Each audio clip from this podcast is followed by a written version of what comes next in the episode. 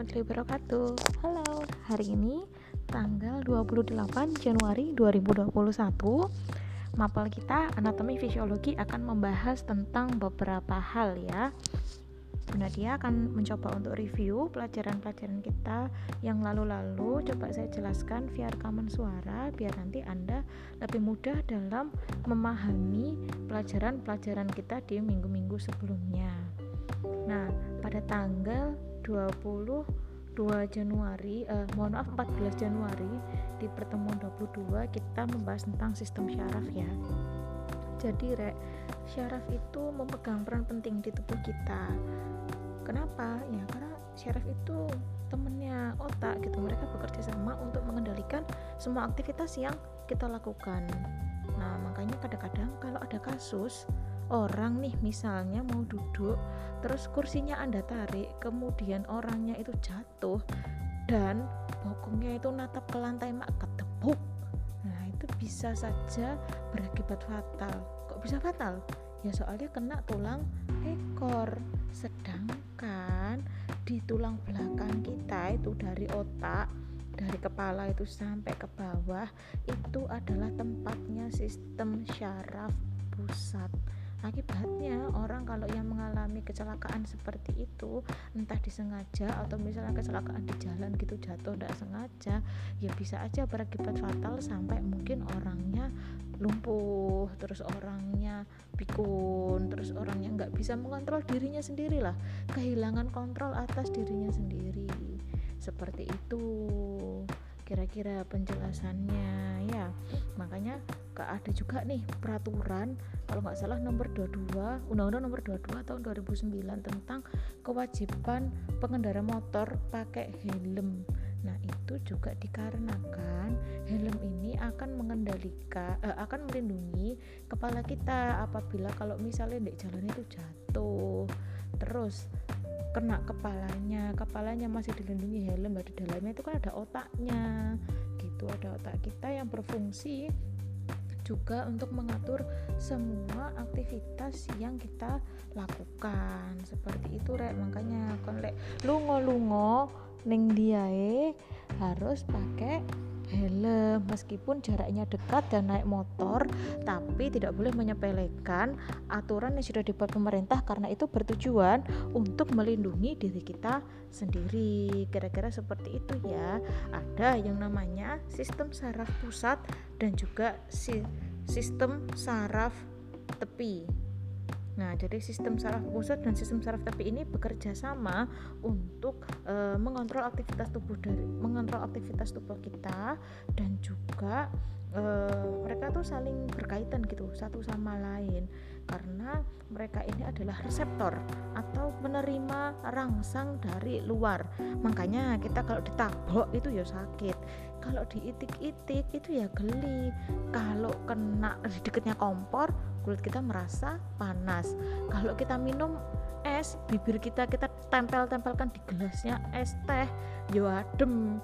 Itu karena tubuh kita ini memiliki reseptor atau memiliki penerima eh, rangsang dari luar begitu ceritanya. Ya kemudian di tanggal 21 Januari 2021 kita membahas tentang sistem gerak manusia. Nah sistem gerak manusia itu harus kita pelajari karena sebagai manusia kita itu bergerak. Nah buktinya bangun tidur kita ngecek HP atau ngeliatin areknya itu balas chat kita apa enggak gitu. Terus status kita tuh sudah dilihat atau belum sama areknya kan jari-jari kita ini bergerak atau lah makanya kita tuh perlu mempelajari kenapa kok manusia itu bisa bergerak bagaimana ceritanya sistem gerak itu ya karena sebagai manusia kita selalu bergerak sistem gerak tubuh manusia ini dibagi menjadi dua bagian ya. Yang pertama itu sistem gerak aktif sama sistem gerak pasif. Apa kok diarani aktif karo pasif? Soalnya sing aktif iku iso obah, sing pasif ora iso obah. Berarti yang dikatakan aktif itu adalah yang dia bisa e, menerima rangsang dan juga langsung bergerak secara otomatis tanpa kita suruh. Dan dia itu elastis yaitu adalah otot dan sendi ya toh. Otot dan sendi ini di tubuh kita bermacam-macam bentuknya otot ini apa? Otot ini adalah kumpulan sel yang membentuk jaringan dan berfungsi untuk menggerakkan organ-organ di tubuh kita ini. Jadi nggak usah kita kongkon hei jantung pompalah darahku. Nggak usah ngongkon wong otote wis mergawe dewe maksudnya itu gitu. Jadi kita itu ndak atik ngongkon ndak atik menyuruh otak kita hai otak kongkon lah ginjalku ini bekerja begini paru-paruku ini kudu mengembang dan mengempis untuk memasukkan dan mengeluarkan udara di sekitar. Es gak usah. CE DE mandiri. Makanya diarani otot itu adalah alat gerak yang aktif. Maksudnya begitu. Fungsinya otot itu ya untuk biar manusia bisa bisa bergerak. Otot itu sendiri rek dibagi menjadi banyak macem-macem ada yang namanya otot polos, otot lurik, otot jantung dan lain-lain. Ada juga yang dibagi eh, yang berdasarkan cara kerjanya itu ada yang eh, namanya otot sinergis dan otot antagonis. Otot sinergis itu yang uh, sinergi bekerja sama membangun negeri ya, jadi mereka ini mergawe bareng naik kontraksi ya kontraksi KB relaksasi ya relaksasi KB nah perbedaannya ada yang namanya otot antagonis. Otot antagonis iki otot yang bekerjanya itu berlawanan. Kayak misalkan dek tangan kita ini rek dek tangan kita ini ada yang namanya bicep sama tricep. Jadi kalau tangan kita itu e, misalnya arahnya ke bawah ada saat ada satu bagian tangan kita yang mengendur dan juga ada satu yang mengencang. Sebaliknya kalau misalnya kita itu lagi pose kayak Agung Hercules lagi apa po kayak Popeye gini e, menggerakkan e, membentuk sudut 45 derajat itu yang e, atas yang bagian lengan kita ini dia kendur atau berelaksasi yang bawah itu dia berkontraksi kayak molor ngono modot ceritanya gitu. Ya itu yang namanya otot otot otot uh, otot. Ini bekerjanya nggak usah disuruh dan apa ya dia terus menerus gitu loh nggak berhenti sama sekali. Kayak misalnya nih otot jantung ya otot jantung itu ya nggak usah kita suruh dia tuh sudah kontraksi terus gitu karena ya bekerja. Kalau jantungnya otot jantungnya nggak bekerja ya wes kita inalilahi. Makanya kita juga harus sayang sama jantung sayang sama tubuh kita dengan cara menjaga tubuh kita tetap sehat berolahraga secukupnya makan juga secukupnya tidak berlebihan maupun kekurangan gitu ya. Kemudian ada yang namanya sendi. Nah sendi ini yang fungsinya untuk gerak-gerak rek kayak di persimpangan tulang itu loh kan pasti ada sendinya. Lah sendi itu kayak tempat ketemunya tulang antara tulang A dan tulang B. Tulang C dan tulang D ketemunya itu namanya sendi.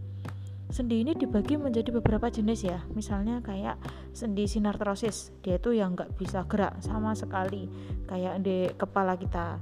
Terus ada yang bisa bergerak tapi terbatas kayak ini tulang belakang namanya sendi amfiartrosis jadi dia itu ya pakai ngebor-ngebor dikit bisa tapi kalau gerakan-gerakan yang lain ya nggak bisa. Nah kalau diatrosis itu dia adalah sendi yang bisa bergerak bebas ke mana aja. Kayak sendi peluru, sendi engsel, sendi putar, sendi pelana, sendi geser. Nah, ini kan pelajaran kita dulu SD ya. Jadi sebenarnya di SMK ini kita hanya mengingat-ingat kembali. Karena pelajarannya mirip dengan dulu zaman kita SD terus ada yang namanya alat gerak yang pasif. Tulang itu loh rek. Tulang itu secara umum eh, terdiri dari bermacam-macam jenis. Di tubuh kita ini kan jenisnya banyak atau tulangnya. Nah yang pertama tulang berdasarkan bentuknya. Ada yang bentuknya itu panjang-panjang pipih gitu. Ada yang bentuknya itu pipa. Jadi menyerupai pipa kemudian ada yang tulangnya pendek-pendek juga ada. Kemudian kalau dari dilihat dari komposisinya atau kekuatannya tulang itu bisa dibagi menjadi dua rek. Ada yang namanya tulang keras sama yang namanya tulang rawan. Kenapa kok beda? Karena fungsinya beda. Gini tubuh kita itu kan berdiri pakai kaki. Lah, kalau misalnya kaki kita terdiri dari tulang rawan lah ya kita nggak bisa jalan jalannya goyang-goyang teot teot teot. Nah kita kan jalannya bisa kaku nih karena kakinya kita ini adalah terdiri dari tulang yang keras. Jadi tulang keras ini terdiri dari banyak zat kapur nah, tapi zat perekatnya itu sedikit. Jadi dia kaku gitu loh kayak semen gitu kayak uh, besi kuat gitu. Nah sebaliknya ada juga tulang yang dia itu lembek. Jadi zat perekatnya itu banyak tapi zat kapurnya itu dikit. Jadi dia bisa dipeliat-peliat gitu. Contohnya apa? Telinga. Nah telinga ini kalau kita pakai kerudung kalau kita pakai helm dia akan mengikuti bentuk luarnya. Jadi dia elastis alias uh, labil alias goyang eh goyah. Jadi bisa di uh, menyesuaikan bentuknya itu. Kemudian ada lagi hidung. Nah hidung kita ini juga terdiri dari tulang rawan. Nah bisa digerak-gerakkan ke kanan ke kiri goyang-goyang bisa semua. Itulah kenapa pemerintah itu bikin yang namanya peraturan helmnya itu disuruh yang SNI harus yang nutupi sampai depan. Nggak boleh yang helm ciduk helm ciduk itu yang helm kayak helm proyek itu loh yang cuma nutupin kepala atasnya aja itu tidak boleh. Soalnya tidak melindungi otak yang belakang sama tidak melindungi hidung kita. Kalau anda kita kecelakaan kan bahaya karena hidung kita ini adalah termasuk bagian yang rawan karena dia lembek atau lemas gitu. Nggak sekuat tulang-tulang kita yang lain seperti kaki yang betis yang paha tangan tulang belakang, tulang rangka. Nah, itu kan e, beda ya komposisinya atau terdiri dari dua bahan yang berbeda. Itulah kenapa e, di tulang-tulang kita ini dibedakan menjadi dua jenis. Ada yang tulang keras, ada yang tulang rawan karena memang fungsinya juga berbeda-beda. Seperti itu kira-kira penjelasannya. Nah, sekarang silahkan Anda absen di kolom komentar sini dengan cara nomor 1 sampai nomor 5 silahkan absen dengan cara menyebutkan contohnya sendi peluru nomor 6 sampai nomor 10 menyebutkan e, contohnya sendi engsel. Nomor 11 sampai nomor 15 contohnya sendi putar. Nomor 16 sampai nomor 20 sendi pelana atau sendi geser boleh nomor 21 sampai 25 coba sebutin contohnya tulang eh, keras terus yang nomor terakhir 26 sampai absen belakang sendiri. Coba Anda sebutkan e, contohnya tulang rawan atau tulang lunak dan alasannya kenapa kok diarani tulang rawan atau tulang lunak. Seperti itu ya absennya. Yang gak hadir berarti Bu Nadia Alfa emang gak ada tugas tapi wajib mendengarkan penjelasan Bu Nadia mengenai anatomi dan fisiologi tubuh manusia. Terima kasih. Assalamualaikum warahmatullahi wabarakatuh